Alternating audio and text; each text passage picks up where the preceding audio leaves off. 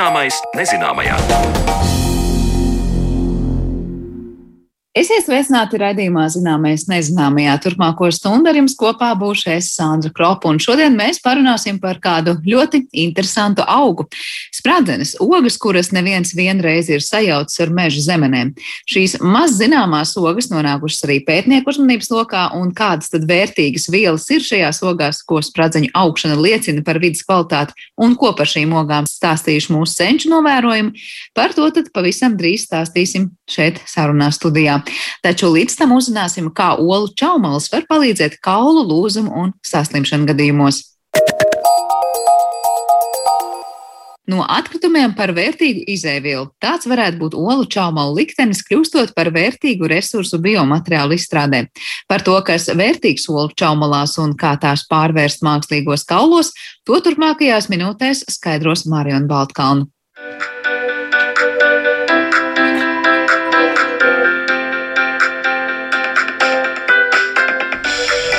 Kā sarunas iesākumā stāsta Rīgas Tehniskās Universitātes Rudolfa Cimdiņa Rīgas Biomateriālu inovāciju un attīstības centra direktore, vadošā pētniece Vispārīgās ķīmijas tehnoloģiju institūtā un profesore Dagnija Loča, tad līdz idejai, ka olu čaumalas var kalpot kā kalcija avots, lai sintēzētu mākslīgos kaulus, pētnieki Latvijā aizdomājušies pasen. Jau 2012. gadā Kristīna Šalma Ancāne savā doktora disertācijā aprakstījusi dabas izēju materiālu, proti vistu olu, strausu olu, gliemežvāku izmantošanu kalcija izēvielas ieguvē.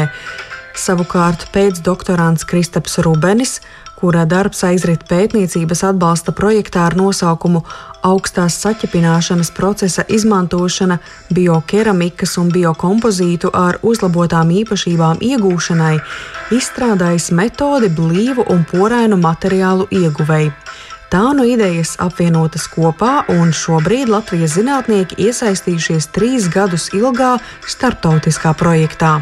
Tajā kopā ar kolēģiem no Igaunijas, Norvēģijas un Islandes tuvāk tiks pētīts olu čaumalu potenciāls mākslīgo kaulu ieguvē, kas savukārt nepieciešami kaula lūzumu un citu saslimšanu ārstēšanai, kas saistītas ar kaulu masas zaudēšanu.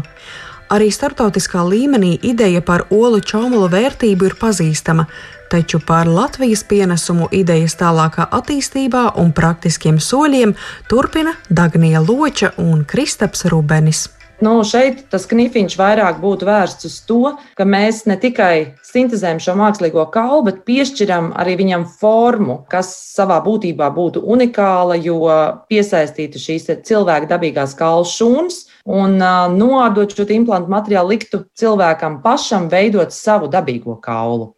Skaidrs, ka mēs no olu čaumalas uzreiz nenonākam pie mākslīga kaula, vai ne? Ja es pareizi esmu sapratusi, tad mēs no olu čaumalām vispirms iegūstam nu, tādu kā sagatavi, ja, izēju materiālu, un tad pēc tam nākamais posms ir no šī materiāla radīt mākslīgo kaulu.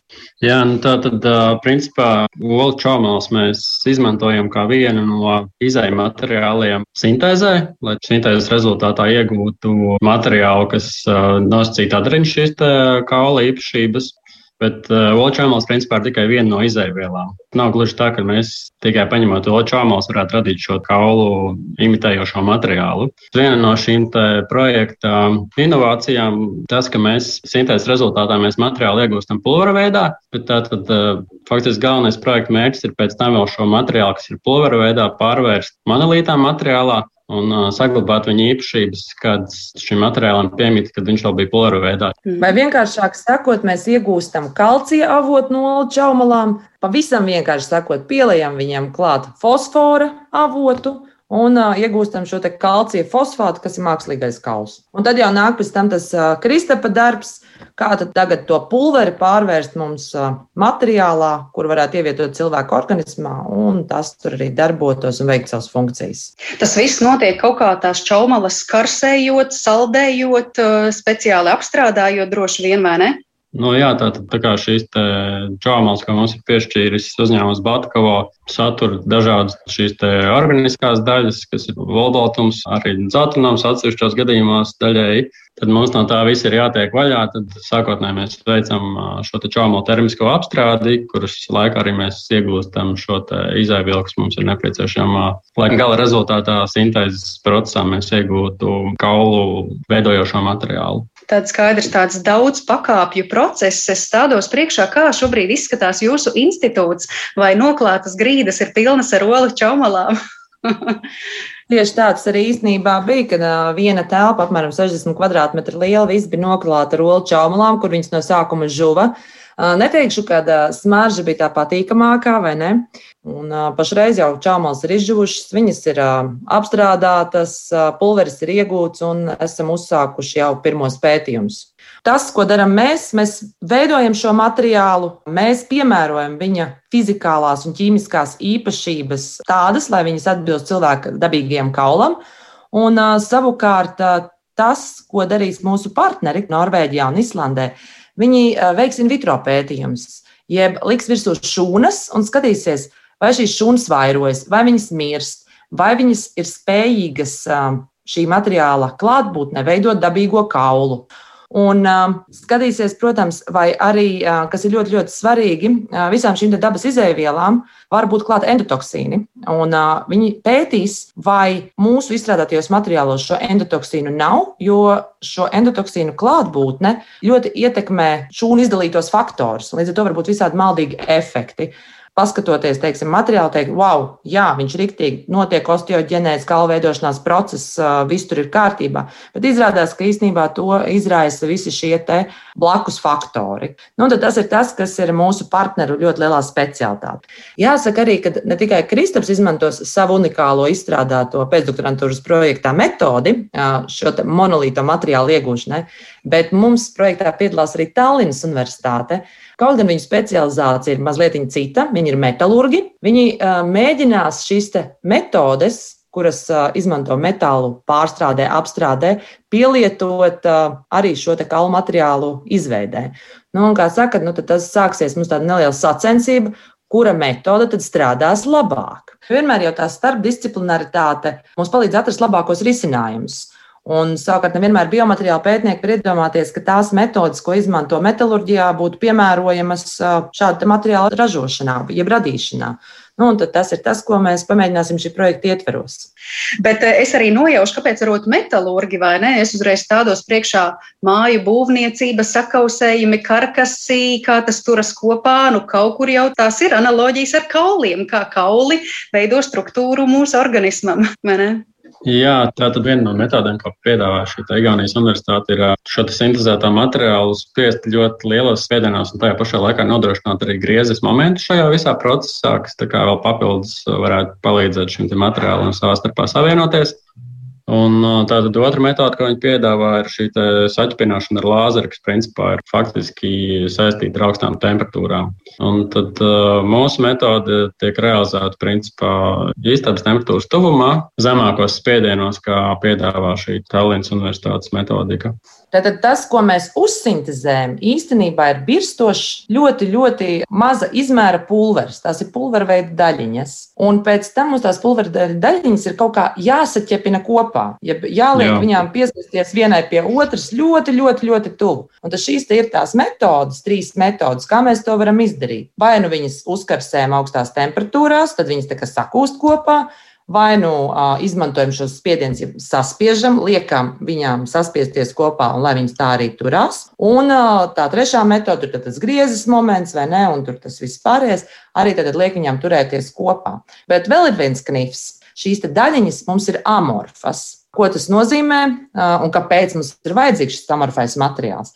Jo īstenībā, kā mums veidojās kauls, sākumā tie ir amorfikācija fosfāti, pēc tam viņi jau sāk lēnām kristalizēties, viņi pāriet uz oktakālcija fosfātiem, un pēc tam viņi nonāk līdz kalcija deficīta hidroksilapatītam.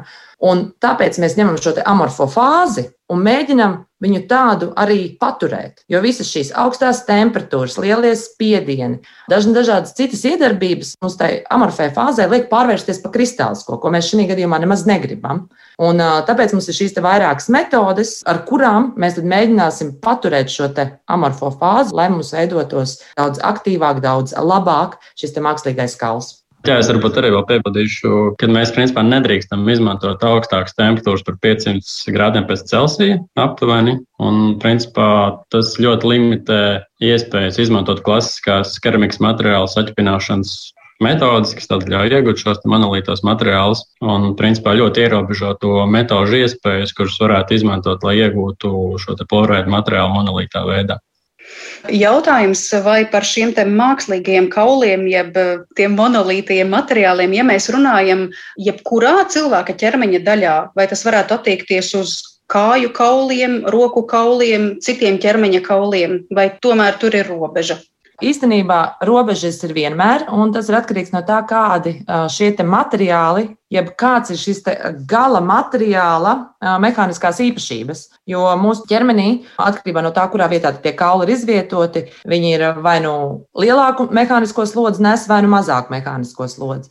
Un labums šīm visām trim metodēm, gan Igaunijas Tallinas Universitātes piedāvātā, gan Kristapa piedāvātā, ir tas, ka varam iegūt dažādus materiālus. Mēs varam iegūt porainus, kas ir mazāk mehāniski izturīgi un nav piemērots slodzi nesošām vietām, un mēs varam iegūt arī ļoti, ļoti blīvus materiālus. Principā, kā es to redzu, tad pilnīgi gandrīz caurspīdīgus, jo viņi sasniedz gandrīz savu maksimālo blīvumu. Un šādus materiālus jau mēs varam izmantot principā arī slodzi nesošās vietās, kas ir, nu, kā jau teicāt, kājās, rokās un tā, tādās lietās. Un tas arī droši vien noteiks, cik daudz to čaumalu ir nepieciešams, vai ne? Jo viena tipa kauliem varbūt vajadzēs vairāk čaumalu, cita tipa kauliem mazāk. Tas atkal savukārt ir atkarīgs no tā, cik lielu mēs šo implantu materiālu galā gribam izstrādāt. Ja mēs gribam ļoti mazu šo implantiņu, tad vajadzēs, protams, mazāk materiāla. Ja mēs gribam lielu, no kura pēc tam mēs varam frēzēt noteiktas formas, nu, kas būtu tāds gala mērķis? Atnāk pacients, viņam uztājas 3D skānu, saprot, kāds tur ir tas defekts, un tad uh, Kristaps taisa, spiež un dara visu, uztaisīs, uztaisīs tādu lielu kluci, un tad uh, aiziet jau frēzēšana, un tiek izfrēzēts attiecīgi šis kaula gabaliņš un ielikts cilvēka organismā. Ņemot vērā augstās olu čaumalu utilizācijas izmaksas, projekts sniegtu pat vairāk nekā tikai vienu labumu No vienas puses, pētniecībai ir materiāls un ir iespēja pārbaudīt, vai dabīgā ceļā iegūts kalcija avots varētu būt labāks un ērtāks nekā tā saucamais zelta standarts, proti jau gatavi nopērkami kalcija avoti. No otras puses, tā ir arī videi draudzīgāka pieeja, jo piedāvā olu ražošanas uzņēmumam jēgpilnu risinājumu čaumalu izmantošanai. Priekšā, protams, ir liels komandas darbs. Kristaps Rubenis stāsta, ka ceļš no biomateriāla pētniecības līdz reālam produktam ir ilgs, tas var paņemt vairākus gadus, tāpēc konkrētais projekts uzskatāms par pirmo, taču ārkārtīgi nozīmīgu posmu, lai saprastu, ka iegūtajam materiālam ir tālāks potenciāls. Mēs tiksim līdz tai fāzē, kad pierādīsim projekta laikā, vai šis materiāls ir derīgs nākamajai fāzei, jeb pārbaudēm dzīvniekos, vai mēs tomēr paliekam un kaut ko modificējam un um, turpinam darbu, lai attīstītu. Mēs jebkurā brīdī, jebkurā posmā varam nobrukt. Mēs varam uztaisīt skaistu materiālu, sākt viņu pētīt, nav mehānisko īpašību. Mums kaut kas ir jāmodificē. Nākamais posms, labi, mēs esam dabūjuši šīs mehāniskās īpašības, liekam virsū šūnas, ah, visas šūnas nomira. Jāskatās, nu tad, kas mums notika, kāpēc viņas nomira. Sākam atkal visu no sākuma. Un tikai tad, kad tas materiāls ir uh, reāli izturējis visus testus uh, un nerada nekādu apdraudējumu, nekāda veida šūnām, pie kam izdala vēl pareizos faktorus, kas inicijē šo jauno cilvēku dabīgo kaulaudu veidošanos. Tikai tad, jā, mēs varam teikt, ka nu, mēs jau esam pusīti no šī sava lielā mērķa panākuši. Īstenībā mēs izmantosim ne tikai pašas soli čaumalas, bet mēģināsim izmantot arī olu čaumalu membrānas, jo tās satur augstu bioaktīvo komponentu daudzumu, pie kam šīm membrānām piemīt arī antibakteriālas īpašības. Līdz ar to arī īstenībā tas ir viens no mūsu projekta mērķiem, tad tāds mazais blakus mērķis - pastīties, kas te notiek, ka Kristaps būs iegūst to savu monolīto paraugu, mums būs tātad iegūtas membrānas, un mēs ar viņām pārklāsim materiālu, lai paskatītos, varbūt viņš ir antibakteriāls, ievietojot viņu organismā. Līdz ar to iegūsim divus efektus, principā. Tā kā izvairīties no infekcijām, kas potenciāli varētu veidoties, un reģenerēt šos kaulaudus. Es varbūt varētu piebilst, ka Baltkavā mums ir nodrošinājusi ar dažādu putnu olu čaumalām, kas tātad ir divu veidu vistu olu čaumals, kas ir baltās un brūnās, un mums vēl ir paipeli čaumals. Un tad iespējams, ka tur arī varētu būt kaut kādas nelielas nianses ķīmiskajā sastāvā, kas varētu kaut kādā ziņā modificēt šī materiāla īpašības, kuras mēs iegūsim. Vēlotu visu to labāko projekta gaitā, par sarunu pateicos Rīgas Tehniskās Universitātes Rudolfa Cimdiņa Rīgas Biomateriālu inovāciju un attīstības centra direktorei, vadošai pētniecei Vispārīgās ķīmijas tehnoloģiju institūtā un profesorei Dagnijai Ločai un pēcdoktorantam Kristapam Rubenim. Ar viņiem sarunājās Mariona Baltkalne. Par olu čaumalu izmantošanu kaulaudu atjaunošanā dzirdējāt Marijonas Baltkalns veidotajā stāstā, bet raidījuma turpinājumā pievēršamies spradzenēm un pētījumiem par šīm interesantajām ogām.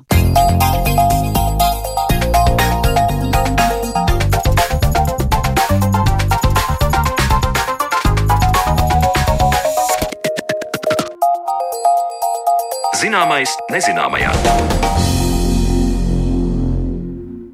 Vasara mūsu platuma grādos ir īstais ogu laiks, un lai arī šķiet, ka visu zinām par savām vietējām savvaļas un dārza ogām, tomēr izrādās aizvien ir daudz pārsteidzošu, un šodien mūsu uzmanības lokā ir ogas spradzene, par kuru kāda daļa klausītāja droši vien nav pat dzirdējuši. Kas ir spradzenes, kur tās aug un ko par tām zinām, to mēs šodien vairāk uh, skaidrosim ar mūsu sarunas biedru. Uh, ar mums šodien kopā Latvijas Universitātes doktorants un mikrotīkla stipendiāts Linerts Kļaviņš. Labdien! Labdien!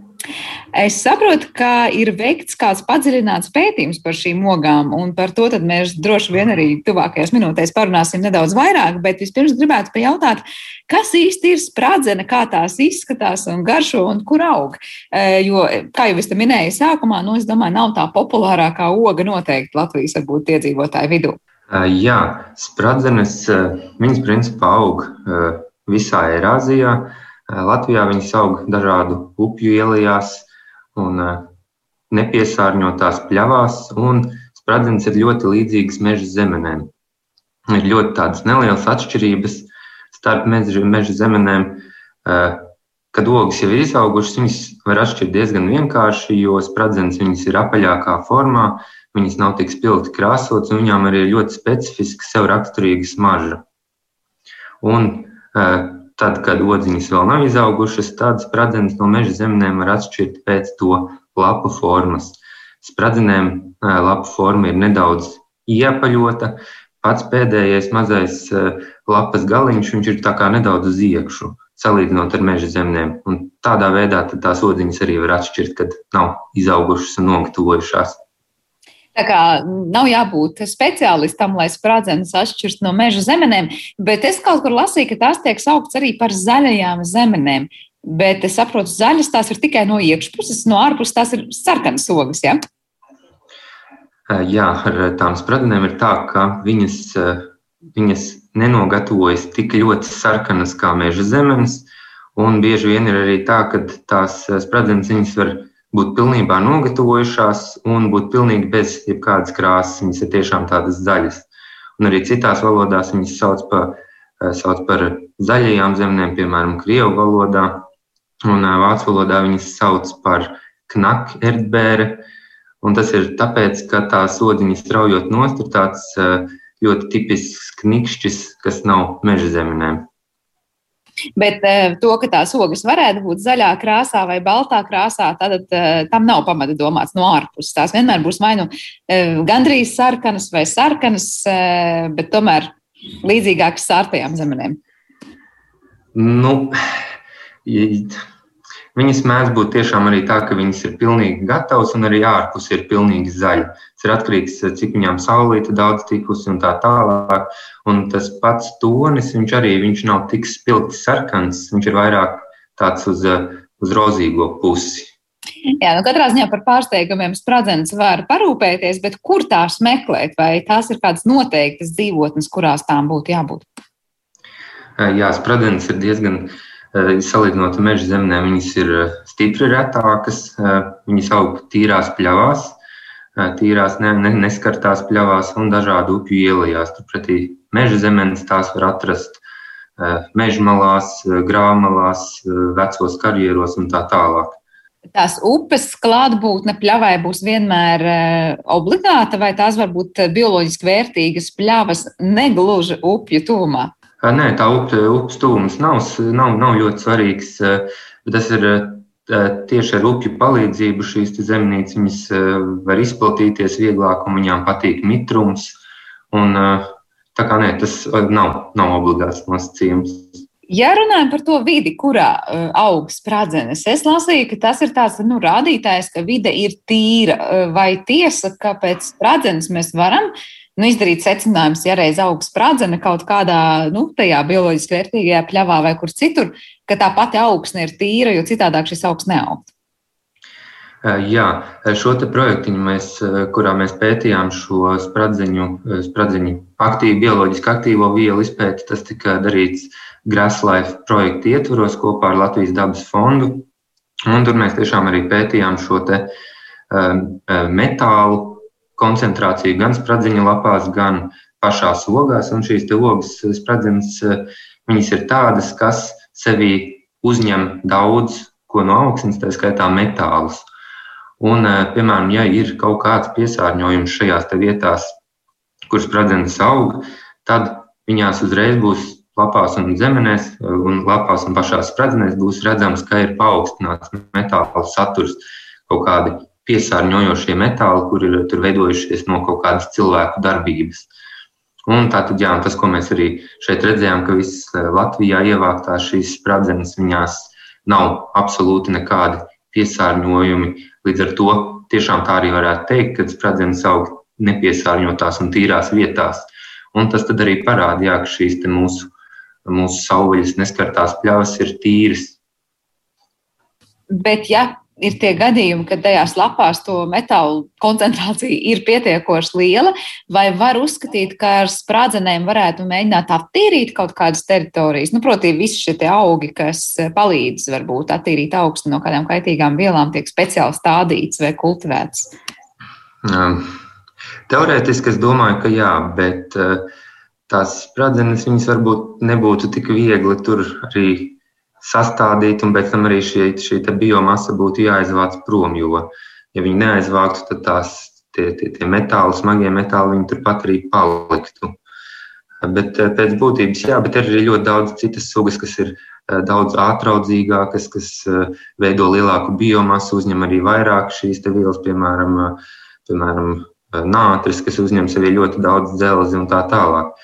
Tā kā nu, spradzenes varētu drīzāk izmantot, lai audzētu ogas. Jā, tad to, to, ko varam baudīt no šīm ogām, un es saprotu arī lapām, to, ko esat pētījuši jau piesauktajā projektā, tur ir daudz tiešām virkne vis visādu mums derīgu un vajadzīgu vielu, vai ir iespējams uzzināt ko vairāk. Pirmkārt, kas tika pētīts un kas tajās ogās un lapās sprazenēs ir atrodams? Mm. Jā, mēs pētījām gan, gan spradzeņu lapas, gan spradzeņu ogas. Mēs viņus arī salīdzinājām ar meža zemenēm un uh, kultivētajām zemēm, kuras mēs varam nopirkt tirgū. Uh, tās vielas, kuras mēs pētījām, tie bija polifenoli, kas ir spēcīgi antioksidanti. Mēs pētījām arī lipīdus un arī metālus. Uh, jo šajā pētījumā, kuru mēs veicām, mēs apkopojām literatūru par to, kas ir iepriekš darīts ar šīm ogām, tas, kas atklājās, ka principā ir ļoti, ļoti, ļoti maz pētījumu. Šīs ogas ir tiešām ļoti maz pētītas, ir tikai daži tādi nopietni pētījumi, kur tiek apskatīts varbūt šo, šo ogu ētriskā eļļa, bet tādi pētījumi tieši par, piemēram, lipīdiem, un lipīdos iekļaujas dažādi taukoši šķīstoši vitamīni, piemēram, vitamīnu C, dažādi veidi eļļas, triglicerīdi, steroli. Šādu pētījumu nav. Tātad šis pētījums, kas tika veikts, izmantojot Latvijā augušās spradenes, ir tiešām unikāls. Un tas, ko jā, mēs atklājām, ka, piemēram, lapās ir ļoti augsts metāla koncentrācijas, un tie ir tieši metāli, kas ir vajadzīgi cilvēku organismam, piemēram, kālijs, magnīs, mangāns. Un arī tradicionālā medicīnā šie, šīs spradziņu lapu pielietojums tiek plaši aprakstīts, kā piemēram, lai stiprinātu vispārēju imunitāti gan pieaugušiem, gan bērniem. Un tā skaitā arī šīs spradziņas mēs atradām, ka viņās ir augstas koncentrācijas ar vitamīnu E, kas arī ir ļoti būtisks cilvēkam dažādu, dažādu būtisku procesu nodrošināšanai. Mēs pētījām arī polifenolus, un arī tieši šajās lapās tika atrasts, ka ir īpaši augsts polifenolu saturs, bija aptuveni 4%. Polifenolu sausā masā, kas ir ļoti daudz, ja salīdzina ar dažādu veidu citiem izējuma materiāliem. Kā notika tas pats pētījums? Jūs speciāli kaut kur arī audzējāt tās uh, spradzenes vai jau esošās apzinājāt teritorijas un tur ievācāt gan ogas, gan lapas? Uh, Tātad šī projekta Grasslife uh, ietvaros sadarbībā Latvijas dabas fondu iepriekš jau bija apzināts vietas, kur šīs spradzenes aug. Tā skaitā arī dažādi lauksaimnieki, kuriem pieder šīs dabīgās pļavas. Un, jā, tātad viņi braukāja pa, pa Latviju, pa vidzemi, ievāca šos spradziņu paraugus un vedu uz laboratoriju uz Latvijas universitāti. Un kas ar tiem notika laboratorijā? Nu, kā tas notiek? Ir piemēram ogas un lapas, kas nonāk jūsu kā pētnieku uh, rokās, un tālāk, kā jūs tiekat līdz visām tām vielām un tām koncentrācijām? Um, tātad, kad mēs saņemam paraugus, viņi parasti ir mitri.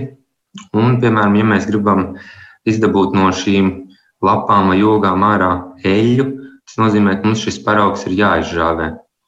Un šo žāvēšanu mēs veicām lietojot ļoti tādu saudzīgu metodi, ko sauc par izsaldēšanu, kurā tiek sasaldēts šis produkts, lapas vai spradenes, kuras mēs gribam izžāvēt, un ar sublimāciju, tātad, kad no ledus fāzes uzreiz pāriet tvaika fāzē šis ūdens, un tādējādi mēs ogas varam izžāvēt un nenotiek nekāda e, temperatūras ietekme. Līdz ar to mēs saglabājam maksimāli augstu šo vērtīgo vielu saturu.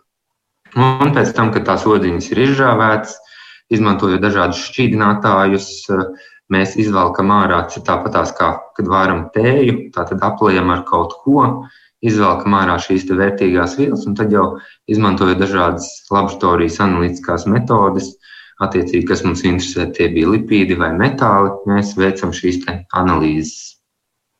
Nu, tās analīzes tad ir parādījušas, ka tajās ogās tiešām ir daudz kā vajadzīga un laba. Un, protams, tas pats par sevi ir labi, ka šīs uh, ogas aug tur, kur vide ir tīra. Tad, ja tās mums ir apkārtējā vidē, tad varētu teikt, ka ar dabu viss ir kārtībā tajā vietā, kur nu, vai nu dzīvojam, vai atpūšamies, vai kā nu kuram sanāk.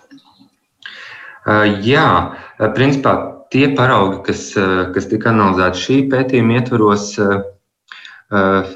šajos paraugos neparādījās nekāds piesārņojums, bet literatūra pētot tika atrast arī daži pētījumi, kur šīs spradzenes viņas tiešām parādīja, ka, jā, ka šajā vietā ir bijusi kaut kāda cilvēku ietekme, un tad, piemēram, svina saturs, kas ir smagais metāls, kas nav cilvēkam ļoti veselīgs, ka šajās ogās svina saturs ir augsts. Līdz ar to tās ogas, viņas, jā, viņas var sevī uztvert tos metālus, bet viņas arī nav tik ļoti jutīgas, ka viņas uzreiz ies bojā dēļ šo, šo smago metālu saturu. Bet savukārt tās lietojot uzturā, sanāk no vienas puses, tur ir virkne labu vielu, bet tajā ir arī tie smagie metāli, kur mums noteikti nebūtu vajadzīgi. Es pareizi saprotu, kā tad sanāk ar tām spradzenēm. Mums būtu tās jāēda un kaut kā jādomā, kā izmantot vai, vai nē. Es domāju, tas ir, protams, tāpatās kā ar jebkuriem ārstniecības augiem. Nu, mēs visticamāk pelašķus, kas aug ceļmalā, nelasīsim, tāpatās arī ar spradzenēm. Eh, viņas gan ir atrodamas vairāk tīrās vietās, Bet, jebkurā gadījumā būtu jāizvērtē pirms kaut kādu ārstniecības augu ievākšanas šī vieta, kur mēs to darām, vai apkārt nav kaut kāda rūpniecība, ceļi un tā tālāk. Un šis plus, kas mums Latvijā ir, kad jā, viņas tiešām principā aug tikai un vienīgi tādās, tādās pļavās, upju malās. Latvijā ievācot šos te augus, tad tas jautājums varbūt nav tik aktuāls kā kaut kādās citās valstīs, kur ir daudz intensīvāka rūpniecība.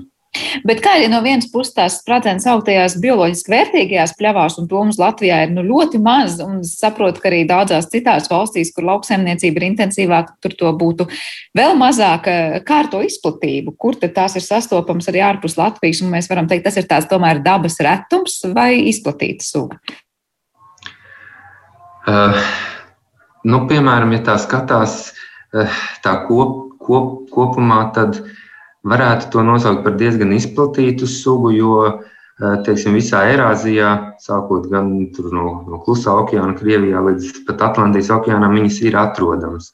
Tur, protams, ir jāskatās, cik šīs audzes ir platas, plašas un, un tā tālāk.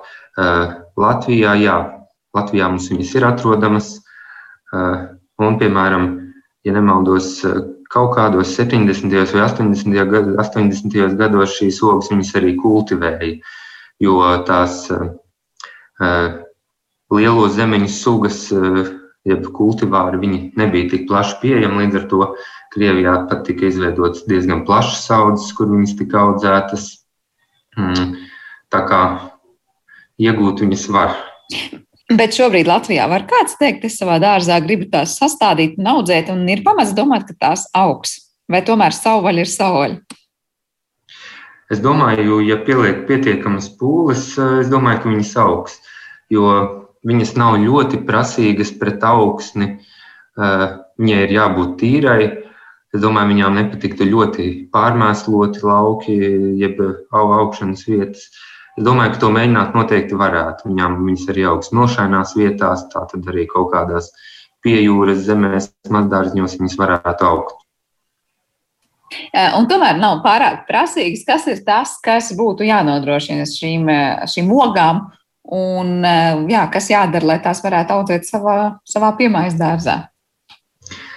Nu, būtu jāsāk ar to, ka būtu jāatrod labi stādiņi, kurus visticamāk varētu nu, nelielos daudzumos varbūt eh, atrast, jo šīs tāpatās kā visas zemes, viņas var, pa, viņas var pavērināt ar eh, spraudiņiem.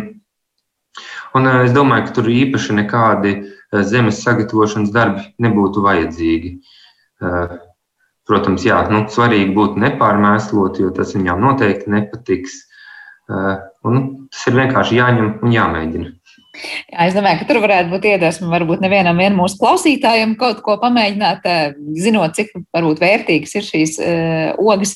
Un uh, nākamais mans jautājums ir par to pielietojumu. Varbūt nu, kaut kādos citos mērogos, vai varētu teikt, ka Latvija varētu iereiz būt tik unikāla, ka pētīja šīs ogas vairāk nekā citviet tas ir darīts ka arī ir rasts kaut kāds idejas, eh, kur tās likt lietā un ko no tām iegūt. Nu, tā kā lai nebūtu tikai ogas, ko apēdam, bet varbūt no tiem ekstraktiem, ko vēl iegūt. Uh, jā, uh, tātad šīs te ogas, mēs arī viņās pētījām lipīdus, kas ir ogu eļļas. Uh, un šādus ekstraktus, piemēram, kurus varētu iegūt arī ar dabai draudzīgām ekstrakcijas metodēm, kas ir um, piemēram, piemēram superkritiskā ogliskābā gāze.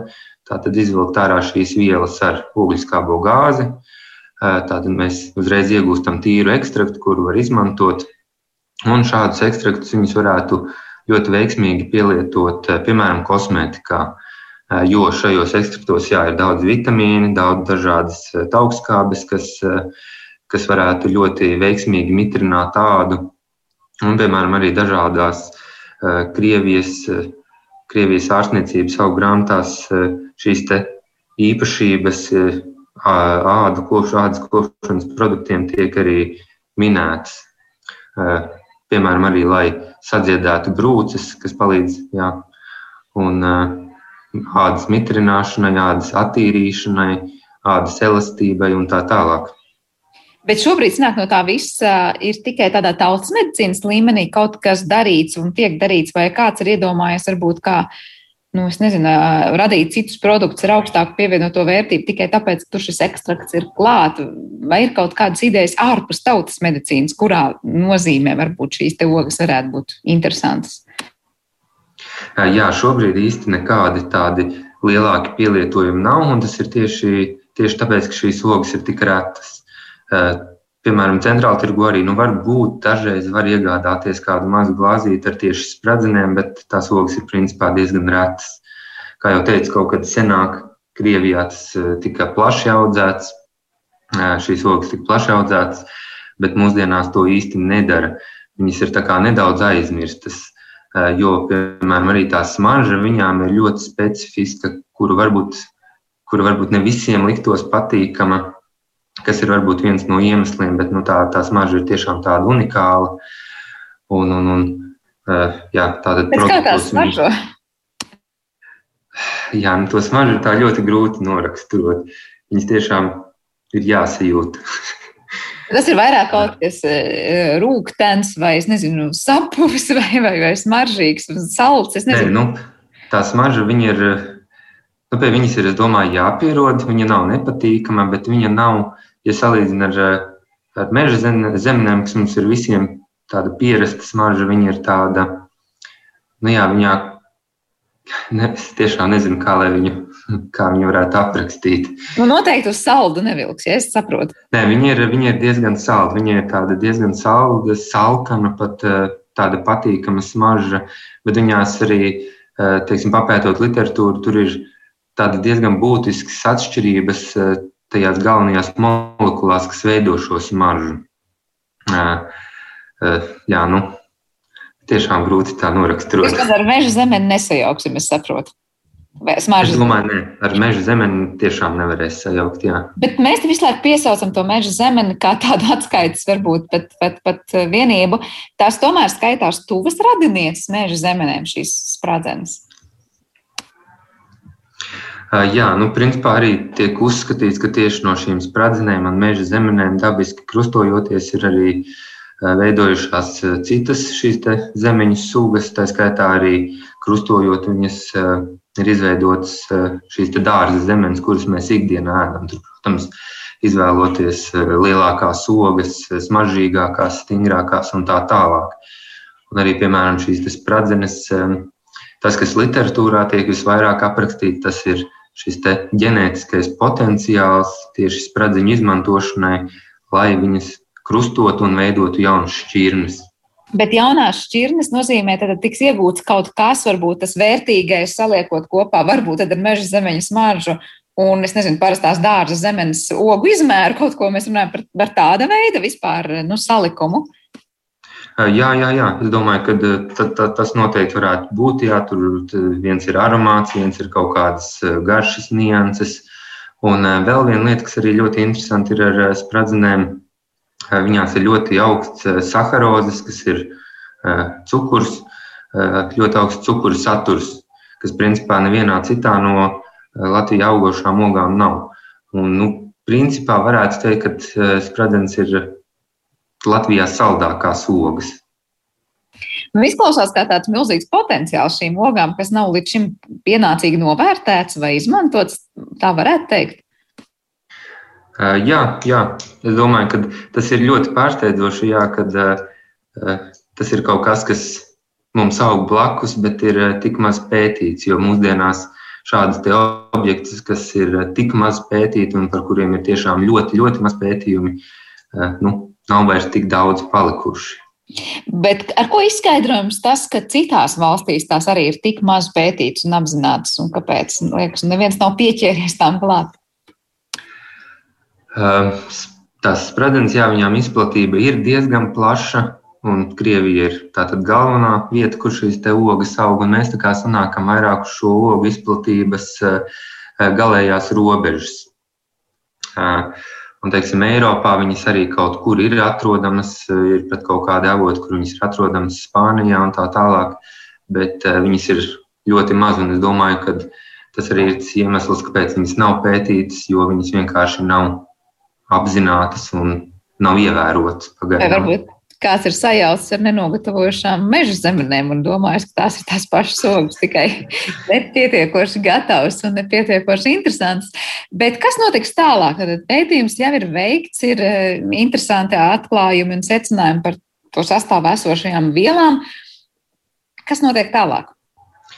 Uh, jā, tālāk, protams, pētījumus var turpināt, jo šobrīd tas ir jā, tāds tā teikt, pirmais solis, tāds skrīnings, kurā mēs apskatām, kas tad vispār šajās ogās ir.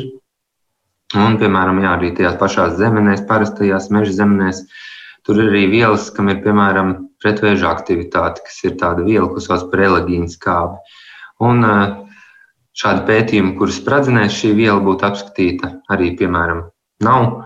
Līdz ar to arī šāds virziens varētu būt viens no, kuru varētu apskatīt.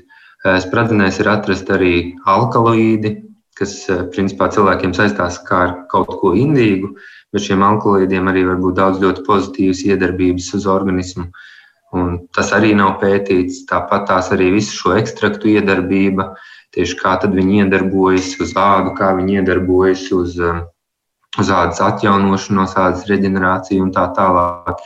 Tā kā šis ir tikai pirmais solis, un šie pētījumi varētu būt vēl ļoti plaši un tālāk arī noskaidrojot, kādi ir šie efekti ekstraktiem. Līdz ar to arī varētu sākt domāt par eh, dažādu produktu izveidi, kuru viņus pievienot šos ekstraktus un tā tālāk. Bet no kādiem citiem ārvalstu kolēģiem ir jau jūtama interese vai pārsteigums par to, ko esat atklājuši, un eh, ka patiesībā šīs ogas ir ļoti, ļoti interesantas un vienkārši neapzinātas? Uz šo brīdi šo pētījumu mēs vēl neesam publicējuši tā, tādos plašākos mērogos, bet to mēs gatavojamies darīt. Es domāju, ka tajā brīdī, kad mēs to izdarīsim, tad arī interesi sāks rasties. Jā. Bet tas ir arī tāds labs stāsts, lai vispār stāstītu, kas aug dabiskajās pļavās, kā varbūt vairot šo dabisko pļavu vērtību arī daudzu mūsu vietējo cilvēku acīs. Vai, vai var teikt tā, ka sprādzenes ir tāds nu, vēstnesis bioloģiski vērtīgai videi? Jā, es domāju, ka tas ir noteikti viens no augiem, kas šajās mūsu bioloģiskajās pļavās ir atrodams. Un, un tiešām tikai dēļ tā, ka šādas spradzenes, es domāju, ka ļoti daudzi varbūt pat nezina, varbūt kāds kaut kad bērnībā ir tādu ēdis, bet tas noteikti piesaista uzmanību, kad tāda nezināma oga mums tepat arī blakus auga. Mēs jau mazliet par to runājām šodien, bet noslēdzot šo sarunu, tad skaidrs ir viens, ka spradzeņu arvien vairāk apkārtējā vidē mums noteikti nekaitētu, un tad viens no veidiem ir arī tās mēģināt kultivēt savos dārzos. Vai varam salikt punktiņus uz zīmu un pateikt, kas tad būtu vajadzīgs, vai tai vietai ir jābūt nu, tādai, kā saka, nu, pļavas tuvumā vismaz, vai ar pļavas iezīmēm, vai var mēģināt cilvēki vispār veidot atkal bioloģiski vērtīgus zālājus tur, kur to vairs nav, un izvēlēties spradzeni kā vienu no ogām, ko tur nu, mēģināt kaut kur iestādīt. Vai tas ir vienkārši stāsts par to, ja gribam, tad savos puķu podos vai, vai zemiņu dobēs, bet ne noteikti pļavās? Par to spradziņu ieviešanu dārzos tas ir noteikti ļoti jā, interesants punkts, ko es domāju arī tuvākajos gados kāds, kāds droši vien izmēģinās. Un, protams, ir jāņem, kad, jāņem vērā, ka šīs spradzenes jā, aug tīrās pļavās. Un, un šī bioloģiskā daudzveidība, kas tādās pļavās ir atrodama, ir ļoti milzīga. Bet jautājums ir, kā pļava vēl, nu, vairs nav vai vēl nav pietiekoši daudzveidīga, vai var mēģināt likt tajā vēl klāt sprādzienu un cerēt, ka pamazām tā daudzveidība atgriežas, vai, vai vismaz ir uzskats, ka pamats uzskatīt, ka tā sprādziene nu, tur varēs izdzīvot, kamēr tur vēl nav tā milzīga auga daudzveidība. Jā, es domāju, ka sprādzienas spēs izdzīvot, jo viņas tiešām nu, viņas nav ļoti prasīgas. Līdz ar to viņas var mēģināt iestādīt, protams, jebkuru. Jo viņām man liekas, ka patīk, kad viņas tā teikt liek mierā, neizbradā un tā tālāk. Un tas arī ir viens tāds būtisks aspekts. Nu, protams, tāda mauriņa tuvumā varbūt nav īstā vieta, kurš tiek nemitīgi pļauts vai pār kuru staigā, bet, bet Jā. kaut kur varbūt veids, kā atjaunot savu kādā pļavas tūmā esošu vietu un padarīt to daudzveidīgāku. Sprādzienu, protams, būtu gan estētiski, gan arī liederīgi. Ļoti, ļoti laba izvēle. Nu, ko teikšu, lielu paldies par šo sarunu un tādu ieskatu, var teikt, jā, pētījumā, par kuru droši vien plašāka publika ārpus Latvijas robežām vēl tikai sadzirdēs. Mums bija tāda unikāla iespēja par to uzzināt vairāk jau šobrīd. Uh, Linārds Kļaviņš, tātad Latvijas Universitātes doktorants un mikrotīkla stipendijāts mūsu šīs dienas studijā viesojās. Paldies par šo ieskatu. Un tāpat arī paldies šī raidījuma producentei Paulai Gulbinskai un mūzikas redaktoram Girtam Bišam. Ar jums kopā bija Sandra Kropa, un es tikai piebildīšu to, ka mūsu raidījumus varat dzirdēt ne tikai Latvijas radio viens ētrā, bet arī populārākajās podkāstu vietnēs. Uz tikšanos!